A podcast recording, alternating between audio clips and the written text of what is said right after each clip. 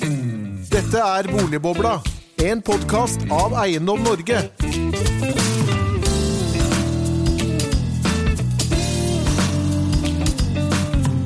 Hjertelig velkommen til en ny episode av Boligbobla, denne gang om korona i nyboligmarkedet. Mens eh, salget i bruktboligmarkedet så langt i 2020 har falt med 7,3% har utviklingen vært langt mer dramatisk i nyboligmarkedet. Ifølge boligprodusentene har salget falt med 29% sammenlignet med samme periode i 2019, og i Samfunnsøkonomisk analyse har jeg registrert det laveste nyboligsalget siden 2014. Hva skjer med nyboligsalget i kjølvannet av koronaepidemien, spør vi, og eh, hva betyr det svake nyboligsalget for eh, boligmarkedet på lengre sikt? Vi har fått med oss noen eh, utmerkede gjester. legendarisk direktør i Boligprodusentenes forening, Per Jeger. velkommen til deg. Takk for det. Vi fikk jo høre at du kanskje hadde tenkt å pensjonere deg, men denne krisen måtte du ha med deg? ja, jeg har i hvert fall klart å få meg opp til flere kriser, så jeg begynner å bli vant med kriser. Så, men jeg hadde liksom håpa at vi skulle da klare oss uten det, for jeg syns jo litt synd på de enkeltmennesker og de enkeltfamilier som rammes av disse krisene. Det er jo de som gjør at vi må stå på ekstra mye når vi havner i denne type uforutsette ting. Det skal vi komme tilbake til, og hjertelig velkommen til deg, Andreas Benedicto, sjefsøkonom i Samfunnsøkonomisk analyse, og du er vel også forsker på tilknyttet det nye boligmarkedsforskningssenteret. Ja, det stemmer. Velkommen til deg, og velkommen til deg, Henning Lauritzen, administrerende direktør i Eiendom Norge. Det var litt av noen tall du kom med her, eller vi kom med her, her i går, Henning. Ja, det var Hva det. skjer på bruktboligmarkedet? Nei, jeg tror vi er i en situasjon nå hvor uh, de tallene som kom i går, overrasket alle. Vi hadde boligpriser som steg med 1,9% nominelt i mai, som, som, egentlig er den kraftigste veksten noensinne. 1,4 sesongkorrigert. Og, og det, dette overrasket jo alle i den situasjonen vi er inne i nå. Men det har nok sin naturlige forklaring hvis man ser litt nærmere på, på det som ligger bak. Så hva er den naturlige forklaringen da, hvis du får på det som ligger bak? Her tror jeg vi har en sum av faktorer. Det, nok, eh, det ene er nok at markedet henter seg litt inn etter at det gikk ned i, eh, i mars og april, sesongkorrigert. Eh, renten er jo utvilsomt den sterkeste faktoren inne inne i bildet her. Og så må vi ikke glemme at samfunnet har åpnet veldig kraftig i løpet av mai. Altså arbeidsledigheten har gått ned med fulltidsarbeidsledigheten har gått ned med over 100 000 i mai alene. Og det er klart eh, det bringer en, eh, både folk tilbake i arbeid, men også en optimisme inn i, inn i markedet. Så, så, tror jeg nok vi også har en sånn tillit til at eh, myndighetene de stiller opp når, når problemene er der, og, og skulle komme nye problemer på markedet, så vil de være der igjen. Men uh, volumet er jo ned, som jeg sa på innledningen, litt over 7, 7 så langt i sammenligning med 2019, som var et rekordår. Eh, normalt på denne tiden pleier jo altså veldig veldig mange å legge ut boligene for salg, men det, det har så langt uteblitt. Eh, hvordan ser den såkalte vårflommen? Eller ja. ikke vårflommen, kanskje dette var det? Ja, og, det, og det, er, altså, det du nevner nå er nok den siste årsaken til at vi eh, også ser en såpass kraftig prisvekst. Det er lagt ut langt færre boliger på markedet i mai enn det som er normalt. Vårflommen har egentlig uteblitt. Og, og med færre boliger på markedet, så, men, men, fortsatt ganske grei omsetning, altså lavere enn i fjor, men på linje med de foregående årene, så, så det, påvirker det også boligprisene. Så det som blir veldig spennende fremover, det er jo eh, når kommer vårformelen? Kommer den? Kommer den i sommer? Kommer den til høsten, eller kommer den ikke? Eller fordeler den seg jevnt utover? Og jeg tror nok det siste er mest sannsynlig. Ja, at, det, at eh, folk er hjemme i sommer og Kanskje blir litt aktivitet på brukboligmarkedet også gjennom sommerferien, i motsetning til normalt, eller? Ja, nå så vi at påsken ble en boligmåned i år, og ikke en hyttemåned, og det, det var jo høyst uvanlig. Så tror jeg nok at eh, hvis vi får en uh, ganske god smittesituasjon fremover, så tror jeg at uh, det kommer til å komme folk ned fra gjerdet langsomt fremover. Men alt er jo veldig spennende, og veldig mye styres jo av hvordan smittesituasjonen blir fremover. Du, du en, en, annen sak var jo i dagens leder i Ideen, så fikk jo du gjennomgå for ditt utspill om boliglånsforskriften? Ja, eh, vi syns jo eh, vi, vi synes at det er på høy tid at vi, eh, at vi nå tar diskusjonen. Skal vi ha boliglånsforskriften lenger eller ikke? Boliglånsforskriften er jo midlertidig for et år av gangen, og, og, så er den jo i realiteten satt til side i inneværende kvartal, og kommer mest sannsynlig til å bli det i neste kvartal også, ved at man har utvidet denne fleksibilitetskvoten til bankene til 20 Så syns vi at uh, nå må vi stille oss spørsmålet hva, hva, hva, skal egentlig være begrunnelsen for å ha denne forskriften her? Uh, er det at vi skal styre boligprisene, er det at vi skal finstyre boligprisene, eller er det at vi har et for høyt gjeldsnivå? Og har vi et for høyt gjeldsnivå, så må vi jo diskutere hva det egentlig er, fordi det var jo egentlig utgangspunktet for forskriften. Og det er jo veldig uheldig å ha en forskrift som har så mange ulemper, f.eks. når det gjelder eh, de som ikke har foreldrebank, eh, sjanser til å komme på markedet, hvis den ikke har en god begrunnelse lenger. Så debatten, den må komme i gang nå. Mm. Per, du, du, var jo her i, i midten av, av, mai ute med deres uh, tall for april for, for nyboligmarkedet. Dere utgjorde da en statistikk for, for nyboligmarkedet. Og, og, hvor, hvor mørkt er det? Var det? Eller er det tegn til bedring? Ja, vi, vi kommer, Dere kommer vel med nye tall nå i mai? Ja, vi, men uh, enten i slutten av uka eller til midten av, av, neste uke kommer vi med nye tall. Og Det vi ser, er jo at uh, i uh, si, mars hadde vi en nedgang på, på salget på, på 47% og i april så var det på hele 45% Og det vi kan si, det er at dette er jo den direkte tingen som vi skal bygge framover. Altså de, det som kommer ut i markedet om ett år, halvannet år, to år, altså avhengig om det er eh, eneboliger, eh, rekkehus eller eh, blokker. Altså de blokkene vi skal bygge nå, det er det som vi skal ha i markedet om to år. Og det som bekymrer oss i tillegg til dette, er jo at vi har så mye utsettelser og kanselleringer. Altså, vi har jo mista et hel måneds eh, eh, si, produksjon Altså, Eller salget. Når altså, salget.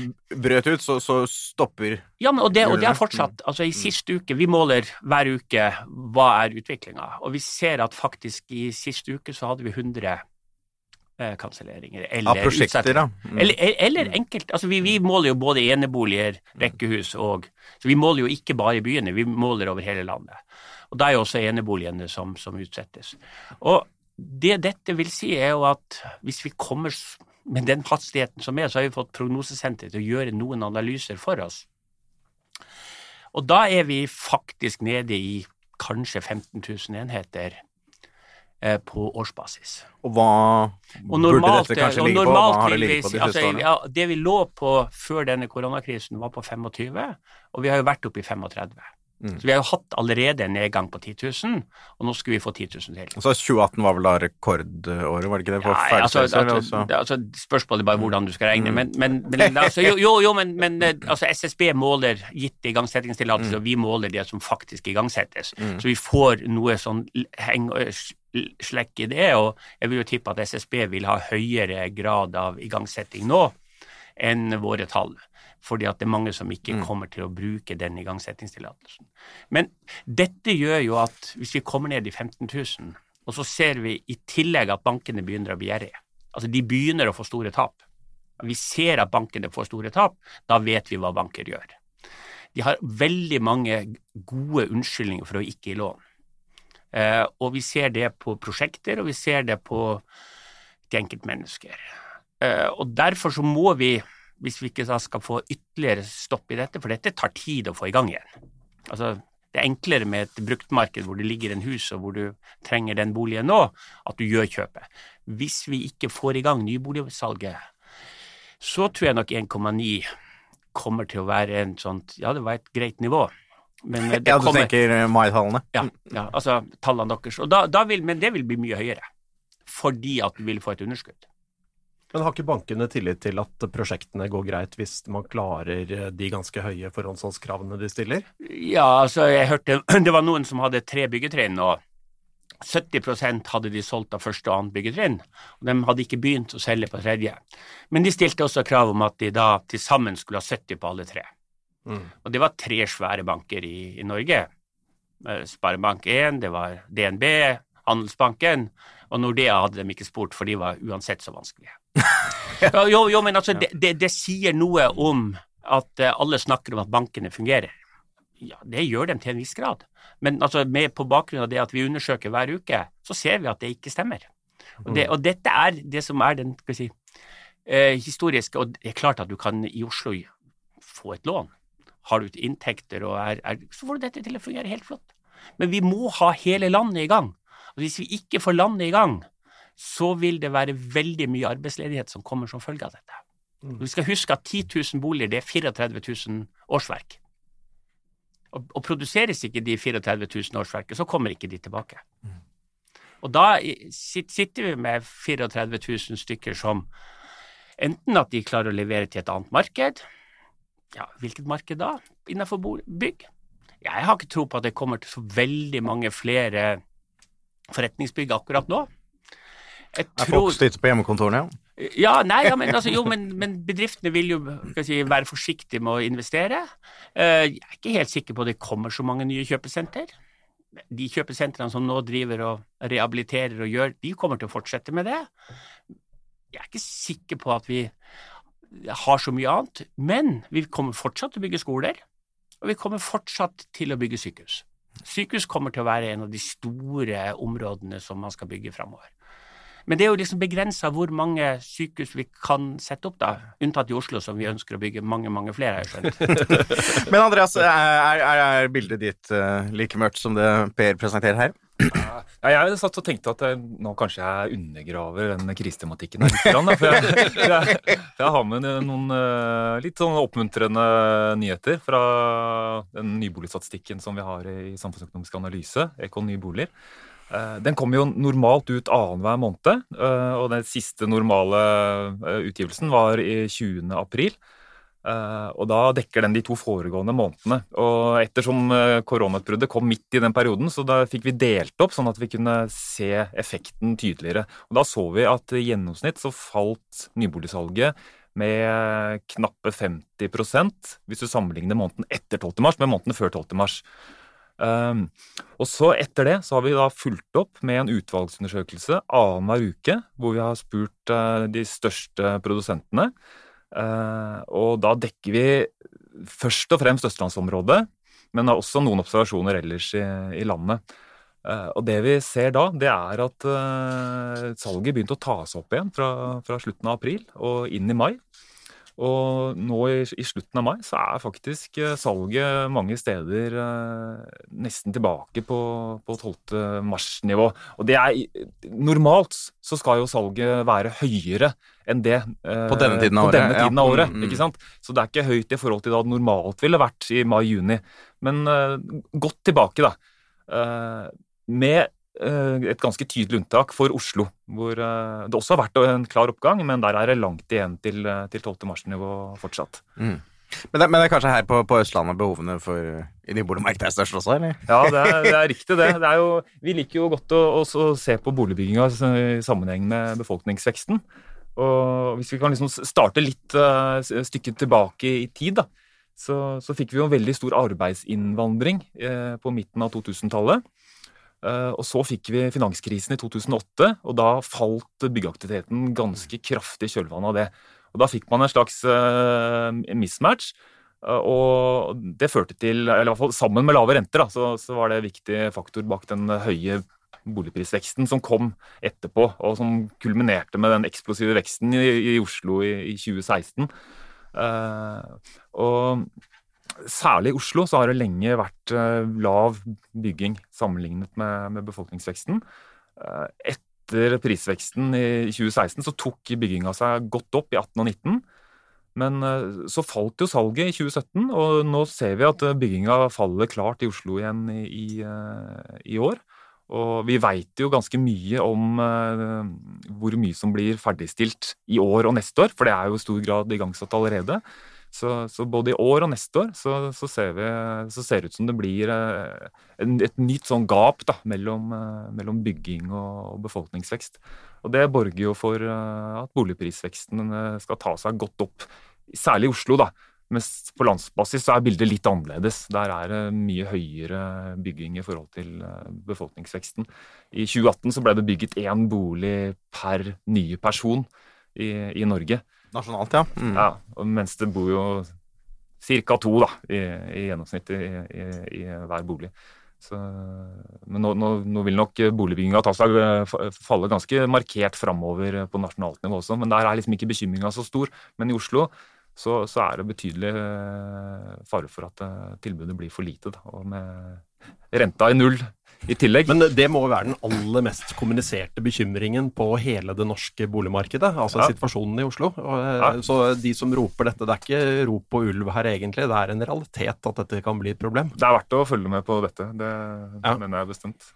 Nei, men Det er jo veldig, veldig spesielt å, å høre at byggeaktiviteten i Oslo da ligger mye svakere enn andre steder. Hva tror du det kan skyldes, Per? Ja, det er jo veldig enkelt. Det reguleres ikke. Og vi, vi vil jo ikke Oslo-politikerne vil jo ikke ha boligbygging.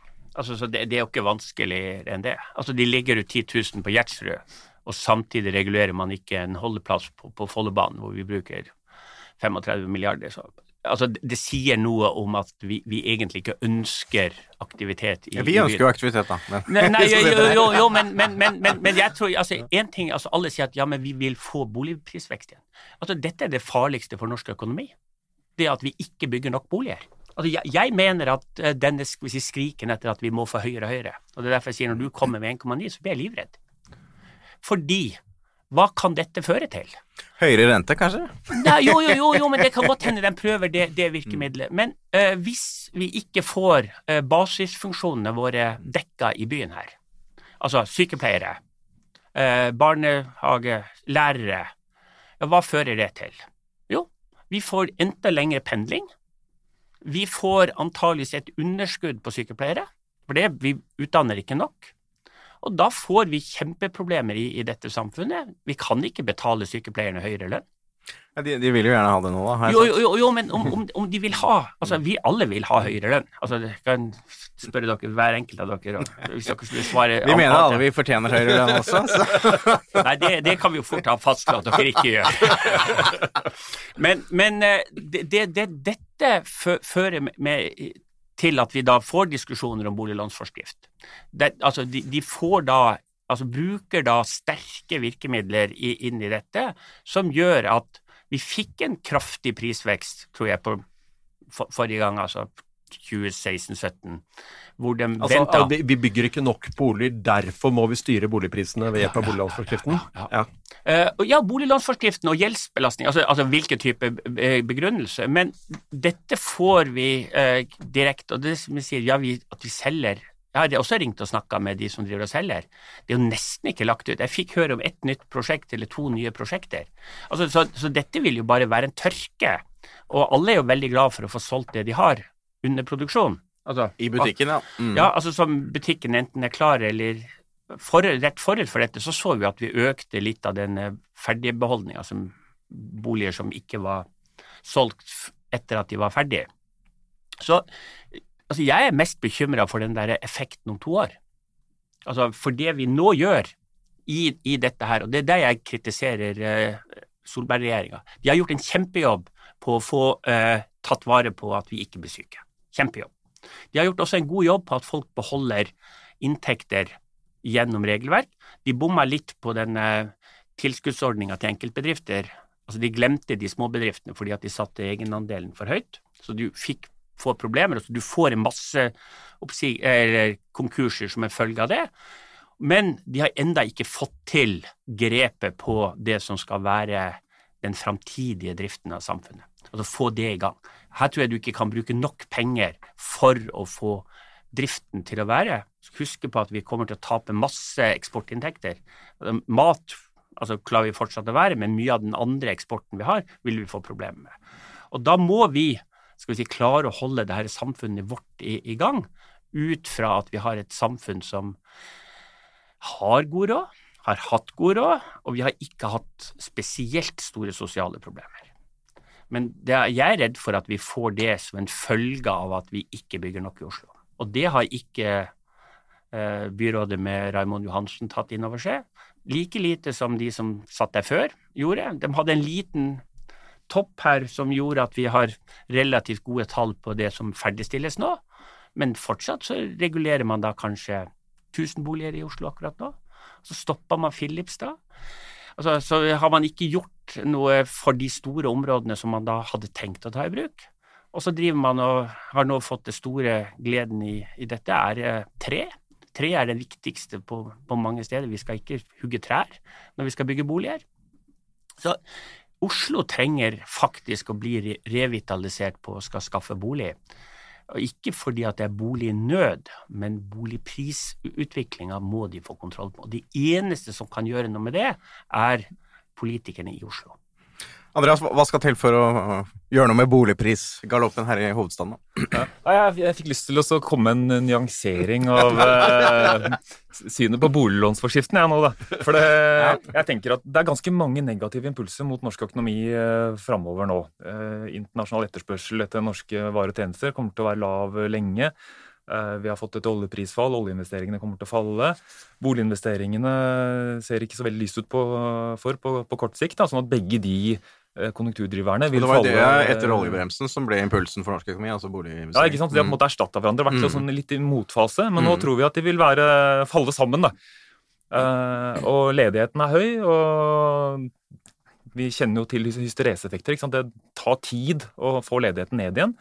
Og jeg tror ikke Norges Bank kommer til å uh, sette opp renta med det første. Da skal, så her må man Selv ikke mest uh, hva skal du si, en sånn boligbrittvekst som det vi har sett nå, som vedvarer? Ja, Hvis vi får 2016 uh, igjen, så får vi se på det. Men det, jeg, jeg, det, tviler jeg på. Men da trenger man ikke sant, Hva kan man gjøre da? Da må du enten Eller du må regulere mer sånn at man får bygget mer. Men det tar tid. Og Derfor så tenker jeg at det er veldig prematurt å fjerne boliglånsforskriften. Og jeg har lyst til å illustrere det med en personlig erfaring. da. For det Forrige gang jeg selv var aktiv i boligmarkedet, i 2013, så måtte jeg gå rundt og mase på alle bankene i byen for å få låne nesten tregangeren. Og så bare noen få år seinere så er femgangeren standard. Og da tenker jeg giring. Her får folk tilgang på nesten dobbelt så mye penger. Og så er det ikke så mye mer boliger. Da blir det mer penger per bolig. Da blir boligene dyre, ikke sant. Så her tenker jeg Når det er sagt, da. Norske banker er godt eh, drevet, og, og, og lånemarkedet er veldig velfungerende. og Det har vært en viktig faktor til at vi har kommet oss så godt gjennom koronakrisen hittil. Men uh, akkurat her så tenker jeg at de nok vil sette pris på litt hjelp til å holde igjen. Men det, men det, vi sier, er jo det at eh, gjeldsveksten er falt, ikke sant, uh, suksessivt siden, siden, toppen i begynnelsen av 2017. Og, og, man må på en måte ha en slags empirisk, filosofisk kanskje også begrep om hva, hva som er et bærekraftig gjeldsnivå. Uh, og det vi spurte Vi hadde jo gjest fra Norges Bank her for noe i høst, og null vekst i gjeld er jo definitivt ikke svaret. ikke sant? Ja, det er jo et eller annet uh, med begrunnelsen her. Um, og i andre omgang så kommer man jo inn i en situasjon hvor man i realiteten driver og finstyrer boligprisutviklingen. Det er det ene. Det andre er jo det at uh, kanskje er også tidspunktet uh, å gjøre noe med de særegne sekundærboligkravene Eh, for hovedstaden i, i boliglånsforskriften. For det er jo strukturelle ting som har endret seg siden det ble innført. Blant annet altså er jo skattesystemet eh, harmonisert. altså Finansielle investeringer i sekundærbolig og, og, og, andre finansielle investeringer er jo nå likebehandlet i skattesystemet. Det andre er jo eh, endringer i bostedoppføringsloven, eh, Henning. Mm. Eh, uh, dette er jo Nyboligsalget er jo også avhengig av disse investorene, og eh, boligbyggingen er jo avhengig av det boliginvestorer, altså såkalte spekulanter, eller også profesjonelle investorer, som kjøper for å sette i gang spaden, få spaden i jorden. Eh, kunne ikke det være, et tiltak?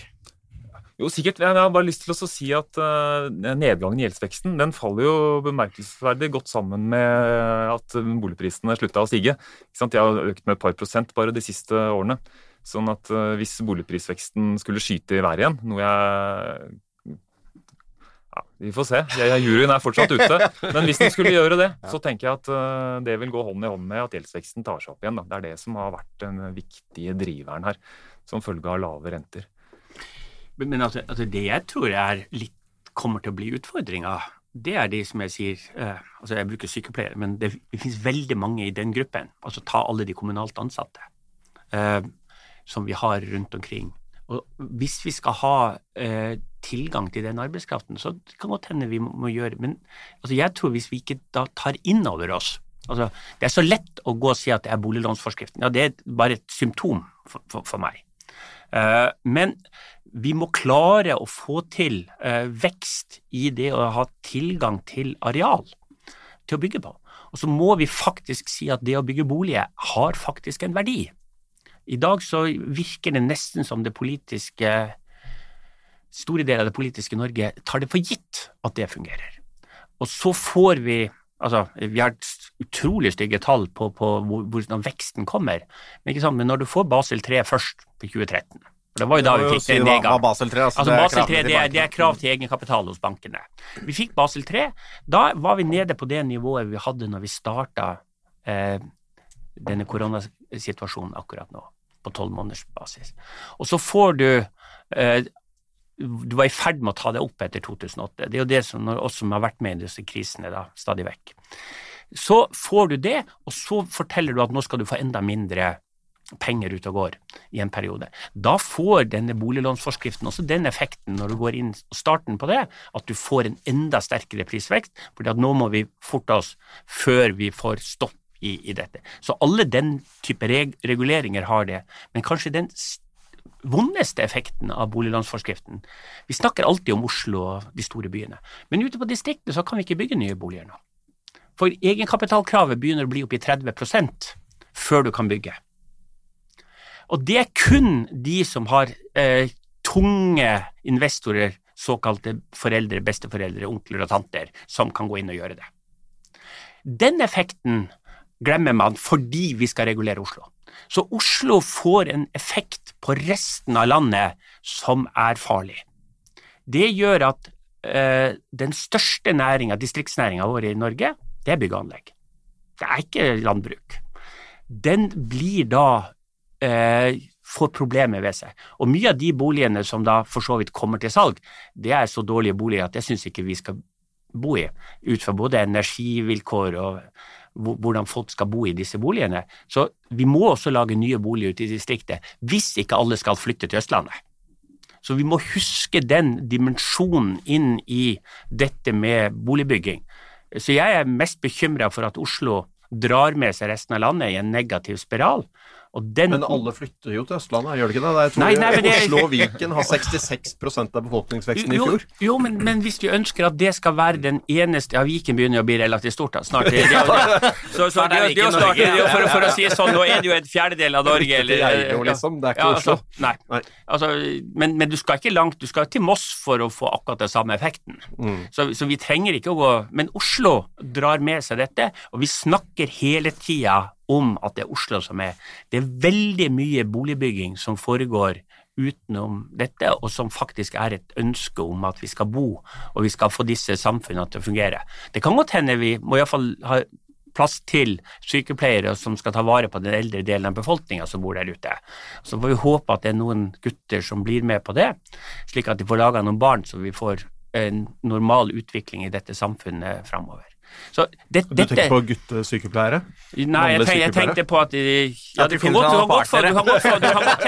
godt hende vi skal også ta noen mannlige sykepleiere inn i det, men hittil så har det vist seg at vi, at vi har en viss kjønnsfordeling på, på dette. Nå har de jo også fjerna lensmannskontorene, så nå kan de jo ikke være Så lensmenn og sykepleiere kan ikke Men, men uh, Per har vel et poeng her, Andreas. Altså, det er jo regionale store regionale forskjeller i boligmarkedet, og kanskje trenger vi ikke én boliglånsforskrift, vi trenger mange, akkurat som vi kanskje skulle trenge flere renter. Altså. Ja, jeg tenker det samme. Altså, det her, uh, dette er jo et uh, argument for uh, regional differensiering av forskriften. Og det har jo tilsynet, Finanstilsynet historisk vært, vært mot, da. Ja, mm. og jeg, jeg, tenker at det, det, er gode argumenter for, da. Når, for en regional differensiering? Ja, ja når, når, er, når Oslo er så annerledes fra store deler av landet for øvrig så, så, er det ikke sikkert at man skal bruke samme medisin overalt. Og det er jo andre steder. ikke sant? Vi har jo motsatt ytterkant også. ikke sant? I Innlandet så faller jo befolkningen uh, klart. Så skal man ha liksom, samme regulering der som her? Jeg vet ikke. Det er ikke opplagt, det. Nei, og, og, jeg tror jo at uh, vi, vi, må faktisk begynne å tenke regionalt i dette. Men da er det kanskje én eller to regioner vi snakker om. Altså, for, fordi at Hvis du ser på f.eks. Agder og Kristiansand, så har jo de hatt en normal utvikling, og der finnes det jo alltid arealer å bygge på. Hvis noen får til et salg, ja, så kommer det at de hadde et høyt boligpris. Altså, jeg ser bare på igangsettingstallene for, for dette området på Agder, så spretter jo de opp og ned som noe jo gjør. Og det, og det viser bare at de dekker et behov når de har et behov. Og, og når du får det, så får du også helt andre priser på tomter og, Eh, og den type ting. Det som kan være farlig oppi alt det som kan komme nå, det er jo det at myndighetene begynner å få så god tid at de skal begynne å lage masse nye regler i for f.eks. ny teknisk forskrift, nye regler som vil si, dra opp prisen ytterligere. Og Fordi byggekostnadene, da. Jo, jo, nei, men, ja, ja byggekostnadene, men, men poenget er at altså, de reglene som fører til høyere pris, er jo ofte kommet fra myndigheter, eh, som gjør at du også tar et påslag på det. Og så sier de at ja, fordi at Oslo går så godt, så er det jo ubegrensa behov for det. Men alle andre steder i landet så er det faktisk en det som øker prisen som sådan. Og igjen, det er at, dette at man mange ikke steder i landet så vil jo et nytt uh, bygg være mindre verdt når det er plutselig ferdig og brukt bolig, da. Jo, jo, jo, men, men du må fortsatt betale for uh, de reglene som kommer fra Så Tech 30 kan være den som kommer til å ta knekken på boligbyggingen utenfor de store byene. Ja, det, det, ja, eller eh, 50 for den saks skyld. Altså, men, men, men, men poenget er at uh, man må huske på at markedene er så ulike. Og, og det er liksom Når vi leser i avisen, altså når vi hører med, med journalister generelt, så er det jo alltid Oslo-markedet Ja, kanskje vi kommer til Bærum. Og så hvis vi er ordentlig heldige, så når vi har gode oljetider, så snakker vi om oljepris, boligpriser i Stavanger, men med en gang de, de er helt rolige, så ligger de rolig. Og så når vi får et oljeprisfall, så snakker vi om prisene i, i Stavanger igjen. Også. Jo, men altså, det, det, det sånn. jo, men, og, og dette er at vi må huske at vi fortsatt er Selv om det er noe, så er det nå 34 da som bor utenfor Viken og Oslo. Hvis det er riktig med 66, jeg har ikke sjekka det tallet. Det er det. Ja. Jeg aksepterer at du, du, Henning, at du har oversikt over det. Ja. Men vi må, må innom et annet tema som også er, er viktig for, for boligmarkedet. Det er jo SSB kommer jo med nye befolkningsfremskrivninger for, um, for befolkningsutviklingen for, for Norge de neste tiårene. Og de har jo nå kuttet altså seks millioner grensen ved- ved- for Norges befolkning fra 2030 til nå 2040. Altså befolkningen vokser saktere enn det vi har sett de foregående tiåret. Hva, hva betyr dette for boligmarkedet, Andreas? Ja, det, jeg så også, Hvis du sammenligner med framskrivningene i 2016, altså for fire år siden Det var de som var særlig Ja. offensive, må man kunne si. For da skulle vi jo være syv millioner i 2060, og nå Ja. er vi nede i seks. Eh, og det er klart at lavere befolkningsvekst det, det vil jo medføre et lavere behov for boliger, men dette er jo på veldig lang sikt i forhold til de eh, prognosene som vi nylig har lagt fram, uh, f.eks. Mm. Uh, og på, på helt kort sikt så veit man jo mer. Uh, og som vi var inne på tidligere, da, så har jo befolkningsveksten eh, blitt uh, så å si halvert siden toppåret i, i 2012. Og i år så blir det jo veldig lav innvandring. Det er ikke så lett å flytte seg over landegrenser eh, for tiden. Eh, men så skal den nok opp på et mer sånn eh, type 2018-nivå eh, de nærmeste åra, i hvert fall. da. Så dere ser for dere at den type EØS-innvandring den vil vedvare post korona? Ja, på et, på et lavt nivå. ikke sant? Det er jo ikke mange som kommer fra Øst-Europa lenger netto, da, Mm. sånn som det var, var tidligere. Så vi, vi har, legger til grunn at det, at det lave nivået som har vært nå de siste årene, da, vil eh, fortsette framover. Hvis vi bare ser bort fra 2020, som blir et unntaksår. Eh, Betinget selvfølgelig da på at eh, korona ikke blomstrer opp igjen, og at vi får nye At nedstengninger. dette ikke det varer langt ut på 2020-tallet? Det var jo det som var, sant? Det var det som var narrativet bare for kort tid siden. Det var jo at her kommer det til å komme oppblomstringer, nedstengninger, oppblomstringer, nedstengninger i flere år framover. Mens eh, nå tenker liksom alle at eh, ja, Hvor ble det av det? Hvor ble det av den historien, liksom? Ja, det var en- Nå skal alt bare gå bra. Eh, Det var visst en synsk mann som har sagt at den koronaen vil komme li forsvinne like fort som den kom. Av seg selv. Men, men, Men- men, men- men- Per, i et sånt perspektiv som dette, dere har jo bedt eh, om at staten skal komme ordentlig på banen med mer byggelån, til Husbanken med statlige garantiordninger, fulltegningsforsikringsordninger osv. Vil ikke det være skummel medisin å bruke i et perspektiv hvor befolkningsveksten krymper? Jo, men hvis vi ser på, på, på de tallene vi, vi, vi har jo holdt, holdt oss på det lave eh, tallet når det gjaldt legge innvandring. Dere lager jo da en boligbehovsanalyse Ja, som altså dere hver gang, da. hver gang vi får, men eh, de tallene som kom fra SSB nå, eh, var jo ikke på kommunenivå, så vi, vi har ikke kjørt den ennå. Men vi, vi lå jo på den lave, altså lav innvandring. Eh, det har vi brukt i de, de senere tallene våre, eh, unntatt Oslo, som vi da har sagt eh, på mellomalternativet. Og, og da ser jo vi at eh, nå har ikke jeg fått de teore, eh, prognosesenteret som regner for oss til å se på hvor mye er det vi egentlig lå under, men jeg tror ikke det er så store forskjeller på det som vi hadde av tall, og, det som eh, kom fra SSB. Men vi må huske at vi blir en eldre befolkning. Det har vi tatt høyde for når vi snakker om et boligbehov. Altså, Altså, de demografiske endringene, folk vil flytte til andre ja, men du, vi, vi flytter jo ikke til Altså, vi flytter jo ikke som forskerne sier at vi skal flytte. Altså, vi flytter jo ikke fra uh, eneboligen vår eller fra leiligheten. Det har gått litt opp, men det er fortsatt et marginalt fenomen. Da. Ja, ja. Eh, veldig mange snakker om det, Mm. men, vi, men uh, ikke alle av oss gjør det. Fordi vi, vi bor der vi bor, og vi får dette faktisk til å fungere. Og Dermed så vil folk sitte lengre igjen, og mange enker sitter fortsatt igjen med en bolig som de har. Og Det gjør at det frigjøres ikke så mye boliger som man skulle tro ut fra en tidligere befolkningsendring. Og vi skal jo også etter det som myndighetene ønsker, vi skal bo lengre hjemme, og vi skal ha mer hjemmehjelp istedenfor å ha det i institusjon. Mye billigere. Ja, så, og, og det har vi da prøvd, eller altså Prognosesenterets folk har da prøvd å få det til å henge i hopes inn i en sånn type sammenheng. Så, så jeg tror ikke ut fra de tallene som altså, jeg, jeg er ikke statistiker, og jeg har ikke gått inn og sett på hvert enkelt tall, men jeg vil si at sånn totalt sett så tror ikke jeg vi egentlig produserer for mye boliger i dag, når vi ligger på 25 000 boliger i året, i forhold til den befolkningsveksten som SSB nå sier. Eh, Og vi skal forholde oss eh, hardt til altså SSB, vi skal ikke prøve å lage egne tall på det. Men eh, jeg tror at fortsatt så trenger vi rundt 25 000 boliger. Altså jeg tror ikke vi skal ligge noe særlig over det. Eh, Det kan godt hende du får noen sånne opp- og nedturer, men stort sett så tror jeg de skal ligge på det. Men da tror jeg at vi fortsatt må ha det. Og grunnen til at vi da ber om å få penger av staten, eller få muligheter for å kunne gjøre det, og det er da spesielt på det å få i gang nye leilighetsprosjekter i sentrale strøk. Hvis vi ikke får i gang nok leiligheter i eh, markedet, så er jeg redd for at vi får da altfor lite boliger om to år, tre år. Mm. Og det er derfor vi ber om denne garantiordninga, som vi håper at Stortinget anmoder regjeringa om å utrede. Det er um, Det er vel gode muligheter for det nå, med det, med det. Ja, du som det er mindretallsregjering. Jo, jo, jo, jo, det, jo men, men, men det er jo derfor jeg sier Lobbyistenes strøm, er det ikke det? Jo, jo, det, det er det, men, men det er også litt sånn trist at vi må bruke Stortinget for å få gjennom den type ting.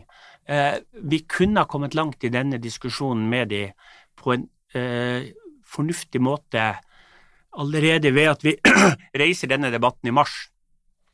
Altså, hver måned som går, desto lengre ut tar det for For vi sier at du må ha et 30% salg før du skal få denne garantiordninga. Vi skal ikke ha noe sånn på ren spekk. Ikke full, full Nei, statlig nei, garanti. nei, nei. Men, men er på en måte er tanken da at den forsikringsordningen, eh, garantiordning, den lokker på en måte bankene, de bankene som er restriktive på banen, eller er det på en måte da sånn at den lokker dem på banen, og hvis ikke de kommer, så kan Husbanken stille opp med byggelån? Ja, eh, nei, ikke byggelån. Nei, vi, altså det vi har bedt om fra Husbanken, det er ordinære lån. Det er ordinære lån, ja. ja. Fordi at det vi har sett både på 90-tallet og på 2008 og eh, i 2013, når vi hadde Mm. Basel 3, ja, så var det at det var Husbanken som overtok en stor del av markedet. Eh, fordi at de kunne gi lån eh, ut fra si, de bevilgninger som var kommet fra, fra regjeringa, eller fra Stortinget. Eh, så av den grunn så ønsker vi å ha Husbanken som et ordinært normalt motkonjunkturbit. Og når bankene nå fremover kommer til å få store tap, så kommer dette til å være en helt nødvendig ting for å få bolig. Sjøl om det er lav rente og gir lave måter å beregne egenkapital på og alle slike ting, så vet vi at folk som skal sitte og gi lån, de blir restriktive. Det kan jo hende at det er noe som spesielt skjer i 2020, men på 80-tallet, slutten av 80-tallet, hele 90-tallet, 2008, 2013, så har vi sett akkurat denne effekten. Så det kan godt hende jeg tar feil, men jeg tror da fortsatt at det mekanismen som er med at Husbanken oppleves i det norske samfunn, ikke nødvendigvis av den unge generasjonen, men av foreldre og besteforeldre, kan fortelle om viktigheten av å bruke det. Den effekten skal vi ikke glemme, for det, den, det er ikke lenge siden det var 45. Altså, Det er ikke lenge siden nei, nei, altså, nei, det er ikke, nei, nei, nei, nei, men det, det er ikke lenge siden eh, 1945. og det er mange generasjoner som faktisk var med på gjenoppbygging av, av landet, og den tingen som er. Og den sitter i det norske folkesjela. Husbanken er et godt brand, er det du sier? ja, det er et, det er et kjempebrand i, i det, og hvis vi da snakker med, med andre land, som vi gjør med, med disse organisasjonene, så har jo det Altså, de har jo ikke det. Så de går jo helt i kjelleren. Altså, det er mye større svingninger i ja, og mye større svingninger, og de får mye dårligere bygninger av den grunn, fordi at de som kommer inn da er stort sett mye spekulanter til å begynne med, og de boligene er ikke mye verdt, altså, når vi skal Så vi må passe på at vi holder en god nok standard, sjøl om jeg da sier at vi skal være redd for å få enda strengere regler, men vi har en kjempegod nyboligstandard i Norge. Så jevn produksjon i god kvalitet. Og det, er ikke, det finnes ikke noe bedre enn det. Så jeg syns vi, ikke vi, hadde, vi, hadde en lang, vi hadde en lang periode nå hvor vi hadde veldig lite besøk av presse, og vi hadde lite omtale, og det var kjempebra. Da produserte bedriftene Da, da, da, da, da, da leverte jo bedriftene Når det ikke er noen som ser, det er da det blir topp. Ja, ja, ja, ja, men fordi at det betyr at du leverer god kvalitet, du leverer på det du kan, du gjør godt arbeid. Markedet er stabilt og uinteressant. Ja, Ja, for, eh, kjedelig. for, eh, Ja, kjedelig for journalister, men desto bedre for de som skal eh, levere gode produkter, for ikke å snakke om de som skal betale for det. Så, men hvordan er responsen foreløpig på dette? Det var jo en litt sinna pressemelding dere sendte ut her, med, med utropstegn til og med, Ja, i pressemelding. Ja, ja. Jo, altså, og, og poenget var jo at vi var dypt skuffa. Altså, altså, det, altså, jeg syns det var nesten en hån mot uh, næringa vår, det som kom fra regjeringa altså i krisepakken som kom, ja, ble krise, fremlagt siste, forrige uke. men nå altså- skal den en runde på Stortinget, da, så Ja, det kan men, hende du jo, jo, får jo, men, gjennomslag. på, jo, men det kan godt hende vi skal klare å få til. Men, men poenget er bare det at jeg er skuffa over en regjering som faktisk også skal satse på å leve etter at vi er ferdig med eh, helsemessige biten. Altså vi, ja, vi sier ble sagt her at det, vi har gått kraftig ned på permitteringene. Ja, men vi kan veldig fort få en langvarig eh, oppsigelsesbit. Og husk, vi skal bare ha 26 ukers eh, permittering. Vi håper det blir 52, men hvis vi fortsatt bare skal ha 26, så vet vi det. Altså Sist måned så hadde vi ca. 100 oppsigelser i næringa vår. Altså, så, altså vi, og vi måler dette hver uke. Så forrige uke så var det 22 stykker som eh, mista jobben sin.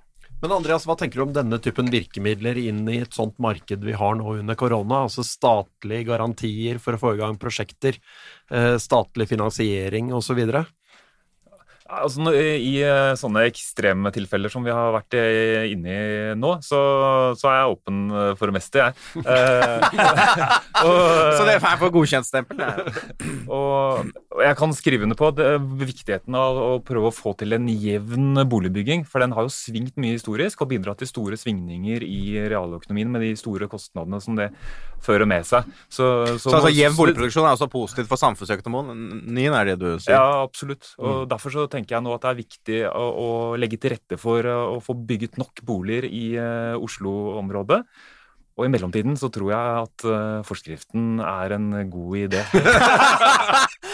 Men, men jeg, jeg er jo glad for at du nå har kommet så langt og ser at resten av landet burde vi kunne gjøre. Og den ene endringa vi burde få til nå, eh, på det høringsutkastet som vi nå er, ute og har høringsfrist i dag, det er jo faktisk dette med at du skal sette det som markedsverdi.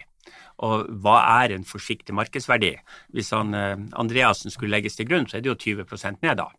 Og det betyr jo kort og godt at du skal ikke bygge ny bolig. Jeg tror han har gått litt tilbake på de Ja, han, han, 45 han, jo, han, var- han var litt moderat i går, og han fikk jo egen kronikk i DN i går. Ikke bare på lederplass, men han fikk jo da bare egen kronikk. Ikke sant. ikke sant. Ja, det skal jo sies da at nå har det jo svingt så mye, ikke sant. 13. mars så, Det ser helt, plutselig helt så sto annerledes alle og ut ja. stirret ned eh, avgrunnen. Og nå er det en litt annen historie. Så at uh, Samfunnsøkonomisk analyses prognoser er relativt optimistiske, det henger jo sammen med at det er de siste som kom. Ja. ikke sant? Man er jo litt preget av vi, vi har veldig mye mer informasjon nå enn vi hadde for bare Det er ikke særlig hyggelig å bli konfrontert med det man sa for en måned siden for tiden. Ikke, nei, nei, ikke sant? Det er litt urettferdig. Det er tøft å gå ut eh, med tall nå. Men tiden går vanvittig fort her i podkaststudio. Vi må gå inn eh, for landing. Og vi har jo alltid noen fast spalte som vi spør, eh, spør gjesten, og det er eh, vår, din første bolig. Hva, hva kjente du, hva følte du, hva, kjøpte du, og, hvor var det, og når var det? Per, hva var din første bolig? Så vi var med og kjøpte, det var på Tveita. I høyblokkene på Tveita. Altså faktisk en av de boligene jeg si, setter pris på å ha hatt. Stor bolig med God utsikt, da, kanskje? ja, god utsikt og eh, si, romslige rom for å bo i for to stykker. Eh, så det var eh, Obos. Fant Når var dette her, da? da før første krise? eller? Ja. jeg, var ikke, jeg var ikke begynt i eh, boligmarkedet. Det var eh, rett etter studietida, så eh, det var rett før jeg da reiste og, og prøvde meg på et annet yrke først. Riktig. Ja, Andreas, din, din første bolig? Ja, Jeg kjøpte min første bolig i eh, 99, og den var på Sankthanshaugen. Obos. Fikk den på ansiennitet. Var høy, høy rense, da? 99 år? det? Ja, ja det, jeg tenkte ikke så mye over det, egentlig. Det jeg var egentlig mest bekymra for det. Det folk sa, da, at dette, det er for seint å komme inn i boligmarkedet nå.